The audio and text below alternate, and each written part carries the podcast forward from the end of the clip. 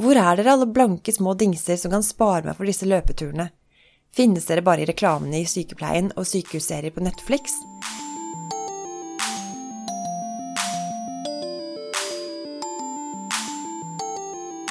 Hei, og velkommen til Sykepleiens podkast. Liv Bjørnhaug Johansen er sykepleier ved nevromuskulær sengepost ved Drammen sykehus, og kvinnen bak sykepleiens faste spalte Liv Laga, som du her får høre i podkastversjon. Det er 2016.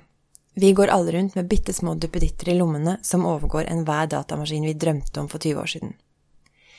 Vi bruker dem til å kontakte hverandre, sende filmer og bilder, bygge nettverk, slå av strømmen på hytta, finne veien gjennom ukjente smågater på ferie, lese av stjernehimmelen osv. osv.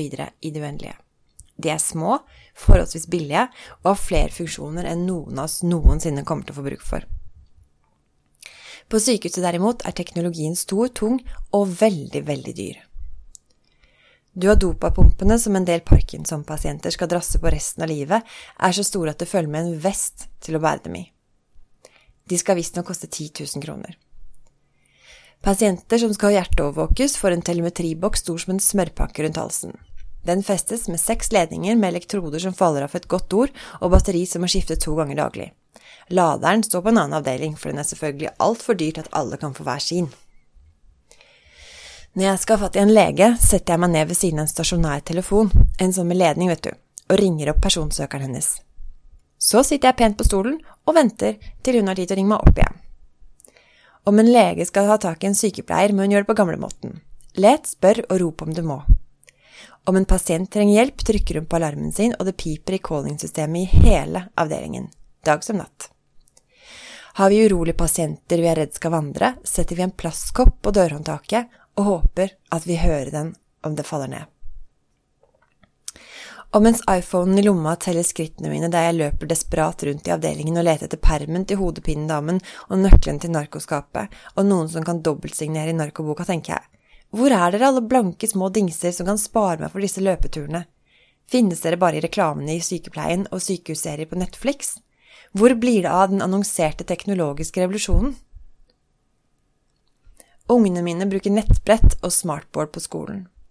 De har prioritert disse innkjøpene, forteller rektor, for at alle barna skal være rustet til å møte den teknologien de kommer til å bruke i arbeidslivet.